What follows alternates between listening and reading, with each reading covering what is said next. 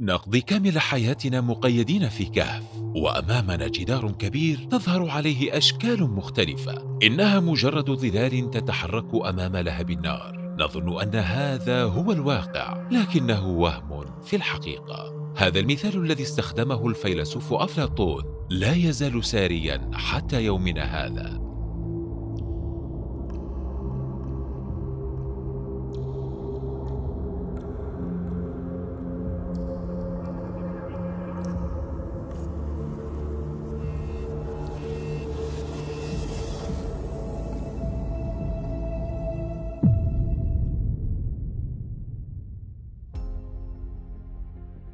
والسلطة؟ أي سلطة تبذل جهودها في صناعة الوهم لتنسج من أحلام البسطاء وأمنياتهم مشاريع التجهيل والتغييب وتجند حماستهم وتطلعاتهم نحو إنتاج المزيد من الخيال والوهم لتغدو الأمة غارقة في حالة من الانتظار الدائم للخلاص على يد المجهول. ومفرطة في أوهامها المترقبة دوما لقدوم البطل المخلص دون أن تدرك أن الخلاص بيدها. لكن لدى السعودي لدى السعوديين همة لدينا جبل. دائما نضرب فيه المثل اسمه جبل طويق. لدى السعوديين همة مثل هذا الجبل. همة السعوديين لن تنكسر إذا نهد هذا الجبل وتساوى بالأرض. بالكلمة يمكنك صناعة الوهم وبالوهم ستبرمج العقول. رجال السياسة والأعمال يخلقون الأوهام ليبقى كل شيء تحت قبضتهم فلا شيء يجذبنا سوى وهم. جيد الصنع. في سنوات الخمسينيات أراد الاتحاد السوفيتي التفوق على الاقتصاد الأمريكي بحيث يكون حجم الذرة الشيوعية ضعف حجم الذرة الرأسمالية وقتها احتفل الشعب السوفيتي بهذا الانتصار الاقتصادي بسبب قوة الدعاية وتأكيد الوعود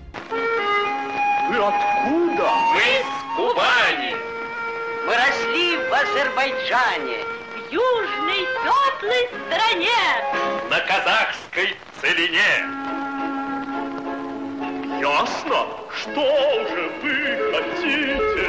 Мы хотим لكن سوء الحصاد والبيروقراطية أفشلت الخطة استغفال الناس والضحك عليهم نهج مستمر ونقص الاحتياجات لدى اي انسان امر مقلق والرقص على هذا الاحتياج موجع وليس هنالك اقسى من استغلال تطلعات الناس نحو السعاده والتغيير ببيعهم وهما على انه طريق الخلاص المنشود وحينما تصمت النخبة عن ضرر وفساد صناعة الوهم هذه التي قامت على الأحلام والأوهام وحينما يتخلى الإعلام عن أداء دوره الحقيقي وإظهار الحقيقة فسيلقننا التاريخ درسا قاسيا لن ننساه هل سمعت بمشروع القفزة العظيمة من قبل؟ ماو تسي تونغ مؤسس جمهورية الصين الشعبية الدولة الشمولية ذات الحزب الواحد يتحكم بها ويسيطر عليها الحزب الصيني الشيوعي. في عام 1958 أعلن ماو تسي تونغ عن مشروع القفزة العظيمة للأمام أراد بذلك تحويل اقتصاد الصين من زراعي إلى صناعي وإلى نظام اقتصادي اشتراكي حديث في ظرف ثلاث سنوات. وكان شعارها ثلاثة أعوام من الكدح عشرة آلاف عام من السعادة.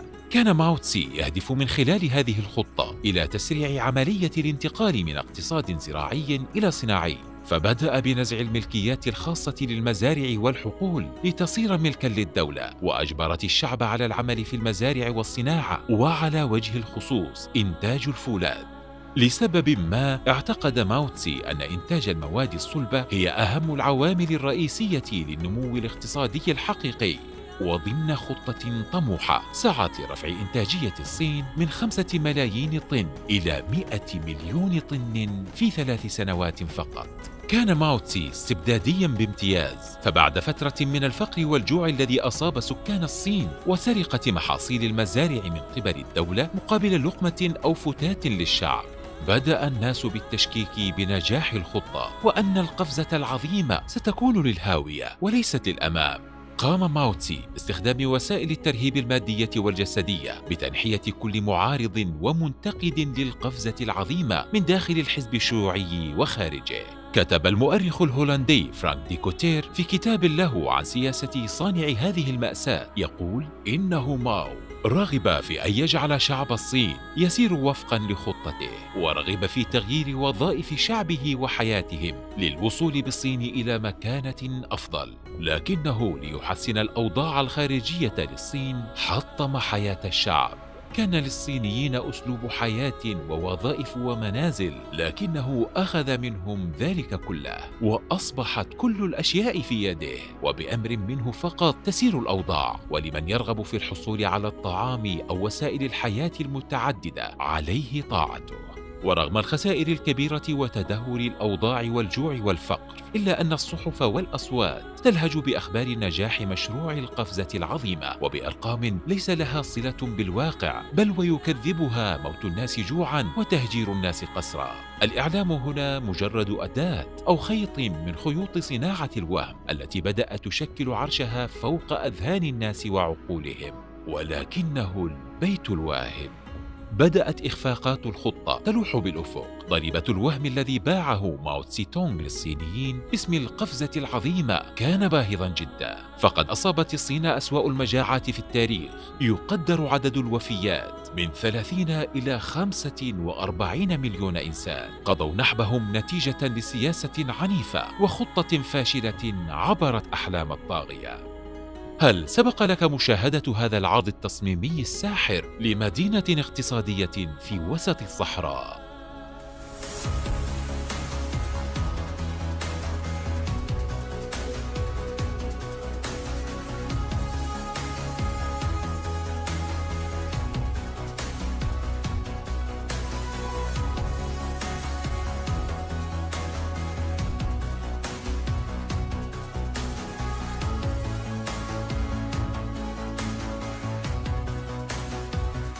مدينة اقتصادية على مساحة ضخمة بتصاميم هندسية عالمية تضم منتجعات ومطاعم وفنادق بطراز عصري خططت لتكون منارة لجذب المستثمرين.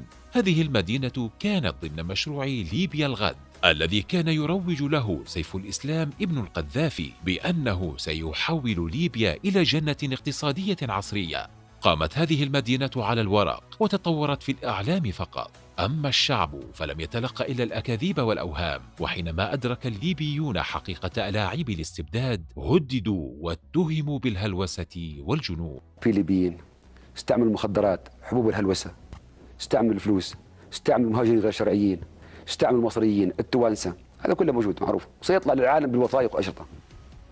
العرب بيشتغلوا علينا. كل الطغاة ينهلون من نفس الكأس ويسيرون على نفس الخطى فقد وعد رئيس اليمن المخلوع علي صالح الشعب اليمني بالقضاء على الفساد وبناء السكك الحديدية لنقل البضائع والركاب وتأسيس صناديق حكومية تمويلية لدعم الشباب وتوزيع الأراضي السكنية. وكان يعد شعبه بالخلاص من الفقر والبطالة قبل أن يثور الشعب عليه بعد أربع سنوات من صناعة الوهم إن 2007 إن 2007 2007 و2008 إن شاء الله وبتكاتف الرجال الأوفياء والمخلصين معنا سوف يتم القضاء تماما على الفقر على الفقر والقضاء على البطالة. وفي لحظة تجل تاريخية بالغ في تصدير الوهم فوعد شعبه المغلوب على أمره بتوليد الكهرباء بالطاقة النووية. ولد الكهرباء بالطاقة النووية.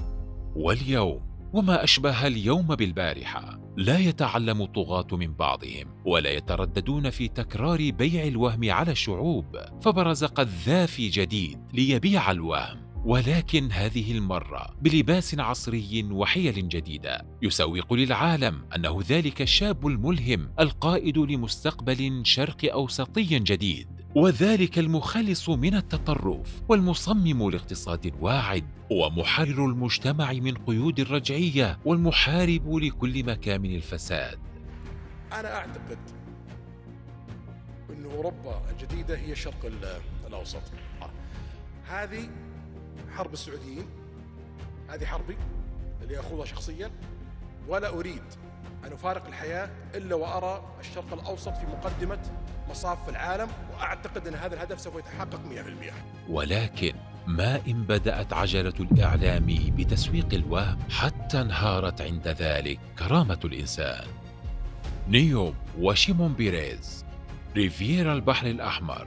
هكذا سمى شيمون بيريز حلما من أحلامه للمنطقة قبل نحو ربع قرن في كتاب تحت عنوان الشرق الأوسط الجديد. في عام 1993 أصدر رئيس الخارجية الإسرائيلية آنذاك شيمون بيريز كتابا بعنوان الشرق الأوسط الجديد. احتوت رؤيته لمستقبل المنطقة على أحلام كبرى. من بينها ربط إسرائيل وفلسطين والأردن في اتحاد سياسي اقتصادي على غرار هولندا وبلجيكا ولوكسمبورغ.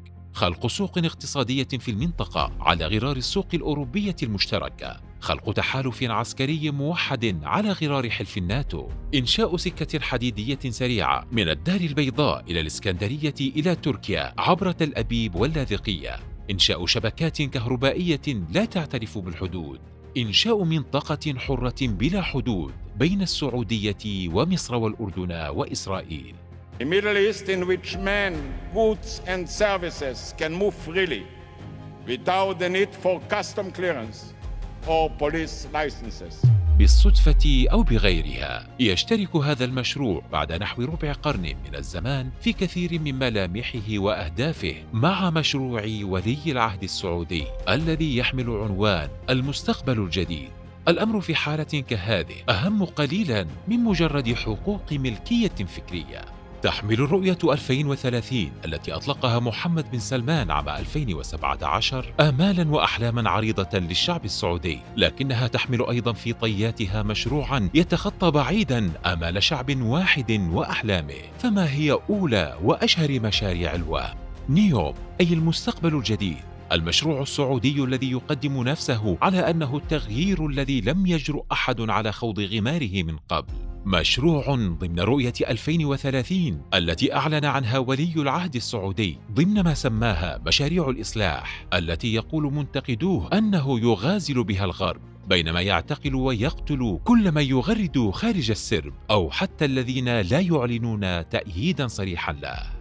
فنيوم تعادل مساحتها 22 ضعف مساحة مكة المكرمة. تبلغ مساحة المشروع 26 ألف كيلومتر مربع. ينطلق المشروع من أقصى الشمال برأس الشيخ حميد.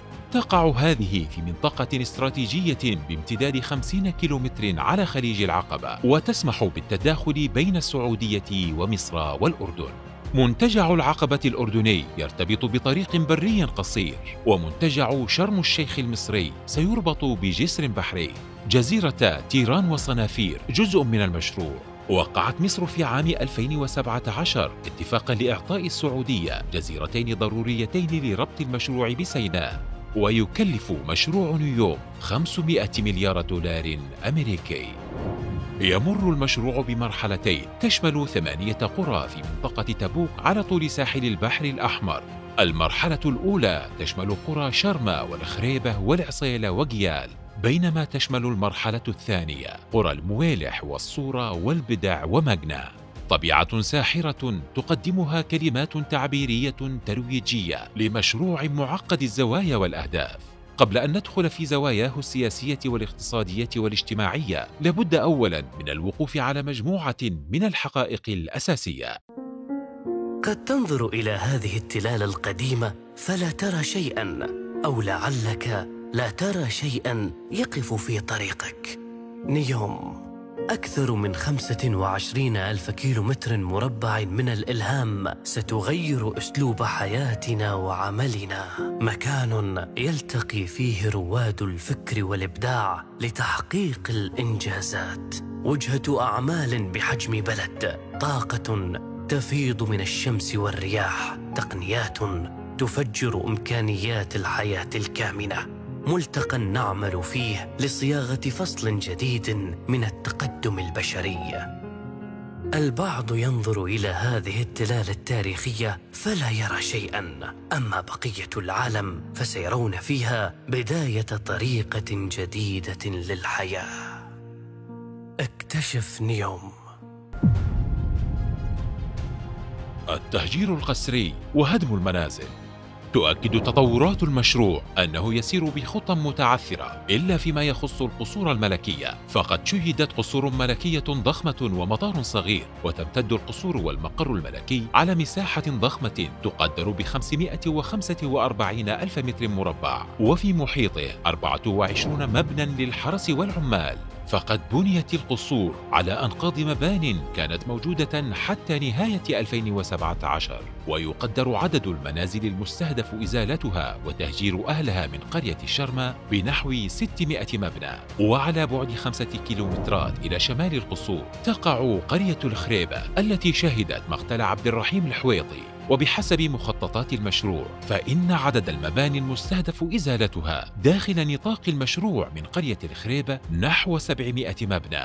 أما قرية العصيلة فيبلغ عدد المنازل المستهدف إزالتها 417 منزلاً. وإلى أقصى شمال غرب المرحلة الأولى من مشروع نيوم هناك قرية جيال المجاورة لقرية العصيلة ويبلغ عدد المباني المستهدف إزالتها نحو 423 مبنى. أما المرحلة الثانية فتبدأ من أقصى شمال مشروع نيوم حيث تقع قريتا البدع ومجنى وتنتهي بقريتي الصورة والمويلح في أقصى جنوب المشروع.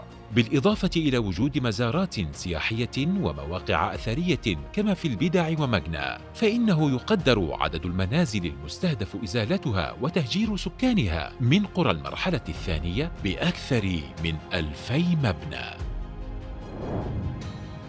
في 2050 سوف يهجر مليار إنسان بسبب ارتفاع انبعاثات الكربون وارتفاع منسوب مياه البحار. يخرج مجددا محمد بن سلمان ليعلن عن وهم جديد. مشروع The Line الذي يقع في منتصف منطقة مشروع نيوم ويمتد من غربها إلى شرقها بطول 170 كيلومتر. أسألك بالله أنك ترضاها. في الوقت ذاته يقوم بالتهجير القسري لأصحاب القرى الواقعة في مشاريع نيوم طيروا أولادنا وطيروا عيالنا وطيروا بيوتنا وخلونا قاعدين في الجمود تهددونا بالشوالات والعساكر. وخذوا شعب بطايقنا وصوروها عندهم. وخذوا أموالنا وهدموا بيوتنا وهدموا حالتنا وهدموا بيت الله. بيت الله.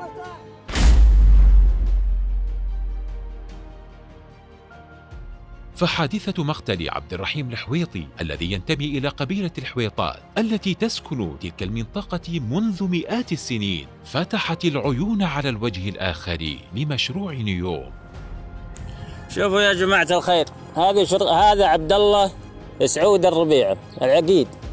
جاينا على بيوتنا بالقوة يقيسها إرهاب ما هو ما هو شيء طبيعي ما هو يقول لك إحنا راضيين. لا والله ما إحنا راضيين ولا الناس راضية. اللي حاصل إن اللي ما يوقع ولا يجوا بالقوة بالطريقة شوفوا العسكر. شوفوا سياراتهم. شوفوا سياراتهم. ها. شوف سيارة الشرطة وشوف العسكر كيف واقفين. ويأخذوا بيوتنا مقاساتها بالقوة.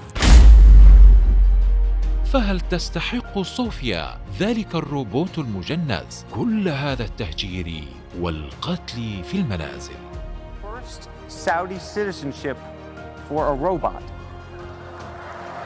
Oh, I would thank very much the Kingdom of Saudi Arabia. I am very honored and proud for this unique distinction. This is historical to be the first robot in the world to be recognized with a citizenship. لكن كيف يبدو مشروع نيوم بعد أربع سنوات من الإعلان عنه؟ كان محمد بن سلمان قد وعد عند الإعلان عن المشروع أن أول مدينة في نيوم ستكون بحلول عام 2020 فضلا عن بناء 12 مدينة خلال خمس سنوات. لكن صور الأقمار الصناعية تكشف خلاف ما روج له ولي العهد ومنابره الإعلامية. فلا نيوم ريفييرا أنشئت ل 2020 ولا إنشاءات المدن الاثنتا عشرة الأخرى على الخريطة. فواقع الحال يظهر فرقا بين التصريحات والوعود وبين ما هو على أرض الواقع. فنيوم أحد أهم مشاريع ولي العهد. قد لا ترى النور وفق المخطط الزمني خصوصا مع التراجع غير المسبوق للاحتياط النقدي السعودي والأزمة المالية الراهنة الآخذة بالتصاعد والتي تدق ناقوس الخطر وتدعو المواطن السعودي للتقشف والاستعداد لما هو أسوأ. فهل نيوم هو المشروع الوحيد الذي سوقت به الأوهام. خططت السعودية للمستقبل من خلال إنفاق أكثر من 100 مليار دولار لتأسيس مدينة اقتصادية كاملة. هي مدينة الملك عبد الله الاقتصادية. نعود للوراء قليلاً. في عام 2005 للميلاد أعلنت السعودية عن خطتها إنشاء ست مدن اقتصادية في عدة مناطق بالمملكة. مدينة الملك عبد الله الاقتصادية بجدة، مدينة الأمير عبد العزيز بن مساعد الاقتصادية بحائل، ومدينة المعرفة بالمدينة المنورة، ومدينة جازان الاقتصادية، ومدينة تبوك الاقتصادية، والمدينة الاقتصادية في المنطقة الشرقية. كان من المخطط لهذه المدن أن تساهم في تنويع اقتصاد البلاد حتى لا يعتمد على النفط بجذب الاستثمارات الأجنبية وتوفير مليون وثلاثمائة ألف فرصة عمل وإضافة 150 مليار دولار لإجمالي الناتج المحلي. اليوم وبعد أكثر من عقد ونصف على الإعلان تجد أن المشاريع والمصانع والاستثمارات وناطحات السحاب قد شيدت على الورق فقط. أما في الواقع فهذه المدن قد تبخرت. إلا أن مدينة واحدة فقط من هذه المدن الست جاهدت كل تلك السنوات لتنجز 15% فقط من وعودها. مدينة الملك عبد الله الاقتصادية بجدة. بعد أن كانت تهدف إلى وضع المملكة بين أكثر دول العالم جذبا للاستثمار والمنافسة. وأن تكون مركزا للخدمات اللوجستية والصناعية صارت تسميها الصحف العالمية بالمدينة النائمة. بعدد سكان لا يتجاوز سبعة آلاف نسمة. فمعاناتها في جذب المستثمرين والسكان دلالة واضحة على أن هنالك معركة طويلة تواجهها المملكة في جذب الرأسمال الأجنبي في مجالات خارج قطاع الطاقة. لأنه هذه أسمعها أنا من الناس وأحسها أنا بنفسي بعض المشاريع إلى الآن ما يعني ما ضايع. لكن آمل منكم اللي يشوفها عليه شيء. إنه مقصر معه. يا أي أحد. ومنهم يعني وزير المالية يخبرني. لأنه ما في تقصير أبدا أبدا. اللوم إذا جاء يجي على الوزير فقط. تم التخطيط لهذه المدن الاقتصادية الست بتكلفة تقدر ب 150 مليار دولار في ظل فائض في ميزانية الدولة آنذاك لأكثر من 100 مليار دولار بينما مشروع نيوم البالغ تكلفته 500 مليار دولار فإن خزينة الدولة منذ 2014 عانت من عجز في الميزانية يبلغ 381 مليار دولار فكيف لمحمد بن سلمان أن يحقق هذا الوهم؟ كان مشروع نيوم يعتمد على مبلغ ضخم يتعدى إمكانات المملكة المالية في تحقيقه. فالاستثمار والإمكانات الداخلية لا تستطيع أن تبتلع ضخامة المشروع. وتخيل معي أن مشروعا بهذا الحجم يعادل ميزانية المملكة العربية السعودية بأكملها على مدى سنتين. فمن أين سيأتي محمد بن سلمان بأموال مشروع نيوم؟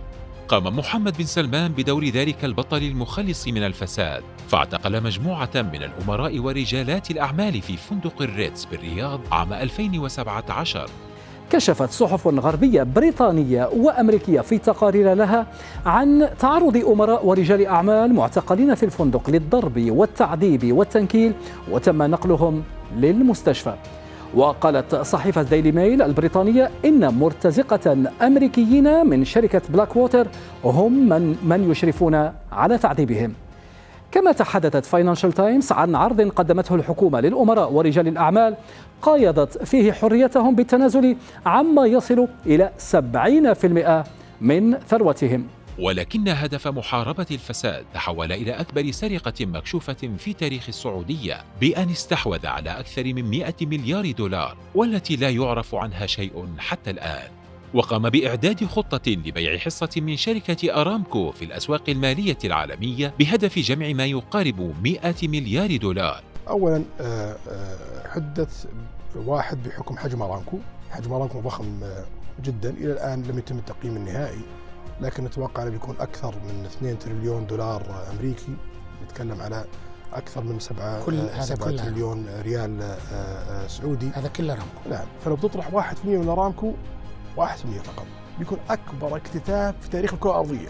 ولكن اصطدمت طموحات الوهم بتقدير سعر شركة أرامكو دون المستوى المأمول إذ كان محمد بن سلمان يطمح إلى تقدير سعر الشركة بقرابة تريليوني دولار. لكن أسواق الاستثمار المحتملة لشراء حصة أرامكو كان لها رأي آخر. شكل طرح أسهمها للاكتتاب حجر الأساس في رؤية 2030 الإصلاحية. لكن تلك المحاولات واجهت عقبات متتالية لأسباب مختلفة مثل رفض المستثمرين تقييم أصول الشركة واعتبروه مبالغا فيه وتداعيات قتل خاشقجي وأخيرا الهجمات التي ضربت مواقع لأرامكو شرقي البلاد فعطلت نصف إنتاجها ونصف صادراتها في أقل من ساعة. فهبط سعر تقييم الشركة إلى تريليون وستمائة مليار دولار لكن لم تقف الضربات الصادمة عند هذا الحد. بل رفضت كبريات البورصات العالمية إدراج اكتتاب الشركة في أسواقها مما اضطر محمد بن سلمان إلى طرح واحد ونصف بالمئة من أرامكو في السوق المحلي فجمع ما يقارب 26 مليار دولار فقط. وهنا ستسأل السؤال المحير كيف بمئة مليار دولار جمعت من جماعة فندق الريتز وستة وعشرين مليار دولار من بيع حصة أرامكو أن تكمل مشروع نيوم البالغ تكلفته 500 مليار دولار ماذا عن المبلغ المتبقي لإكمال المشروع المقدر بأكثر من 300 مليار دولار؟ توجهت أنظار محمد بن سلمان إلى الاستثمار الخارجي آملا في جلب الأموال من الشركات والبنوك والمحافظ الاستثمارية ليغرقوا مشروع نيوم بالأموال. ولكن رأس المال جبان. رفضت الشركات الاستثمارية ورجال الأعمال الخوض في مغامرة غير محسوبة. وبدأت جموع مؤسسات حقوق الإنسان والصحف العالمية بالحديث عن انتهاكات حقوق الإنسان التي ارتفعت وتيرتها في ظل العهد الجديد. من تهجير وقتل في المنازل كما في حادثة عبد الرحيم الحويطي واعتقالات بالجملة وتحرشات بالمعتقلات فأدرك المستثمرون حجم الكارثة. فكيف بمدينة حالمة تسير فيها سيارات طائرة ويتحكم بها روبوتات مبرمجة أن تكون في بلد يقوده ديكتاتور لا يعترف بقيمة وحرية الإنسان؟ فالإنسان أولا وقبل كل شيء. يذكر عالم الاقتصاد أمارتيا سان الحاصل على جائزة نوبل للاقتصاد عام 98 أن أي تنمية لا تتحقق بدون حرية الإنسان وأن العدالة هي الضامن الوحيد لاستمرارية العمل الاقتصادي. جميع الطغاة والمستبدين لا يتعلمون الدرس.